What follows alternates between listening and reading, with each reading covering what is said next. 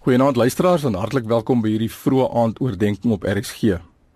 Vanaand fokus ons op die lewens van twee persone. Een het in die tyd van die Ou Testament geleef en die ander persoon leef vandag nog. Die eerste persoon is Nehemia. Op 'n dag het Nehemia verneem dat die mure van Jerusalem in puin lê, dat die poorte van die stad afgebrand is en dat sy volksgenote in groot nood verkeer. Met die aanhoor van hierdie nuus was hy baie ontsteld en hy het hom voorgenem om daarin te gaan om die mure en die poorte te herstel. Nou op daardie stadium het Nehemia in die vesting Susan gewoon, so hy was geografies ver weg van Jerusalem. In Susan het hy as 'n skinker in die paleis van koning Artasasta gewerk. En dit was 'n nederige posisie en Nehemia het gevolglik geen invloed of mag gehad nie en hy het ook oor geen geld of hulpmiddels beskik waarmee hy hierdie projek kon aanpak nie. Nadat hy gevas en gebid het, nader hy toe die koning en vra toestemming om na Jerusalem te gaan om met die herstelwerk te begin. Hy versoek ook die koning om hom te help om die nodige hulpmiddels vir die herstelwerk te bekom. Die koning voldoen volledig aan sy versoek en Nehemia herbou toe Jerusalem se mure in 52 dae. Maar wat of wie het vir Nehemia hierdie merkwaardige deurbraak bewerkstellig?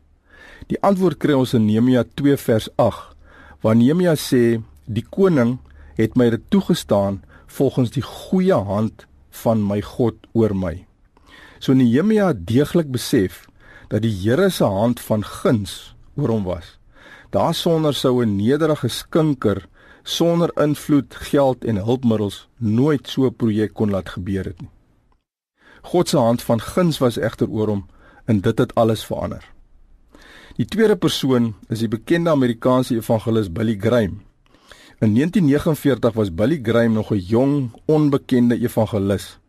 In daardie jaar hou hy tentdienste in Los Angeles en een van die mense wat die dienste bywoon is 'n man met die naam van William Randall Hurst. Tydens Graham se dienste word Hurst geweldig aangeraak deur die prediking en die werking van die Heilige Gees en dit verander sy hele lewe en uitkyk op die lewe. Hurst het op daardie stadium verskeie koerante reg oor Amerika besit en hy gee toe opdrag aan al sy koerantredakteurs om gunstige artikels oor Billy Graham te skryf. En die volgende week het die hele Amerika oor Billy Graham gegons en hy het binne weke 'n huishoudelike naam in Amerika geword. As dit nie was vir God se hand van guns oor hom nie, sou dit vir Billy Graham waarskynlik jare geneem het om soveel respek en geloofwaardigheid by die algemene publiek op te bou. Net soos met Nehemia en Billy Graham is God se hand van guns ook oor elkeen van sy kosbare kinders. Kom ons bid saam. So Vader, ons sê vir U dankie dat U hand van guns gedurig oor elkeen van U kinders is. Amen.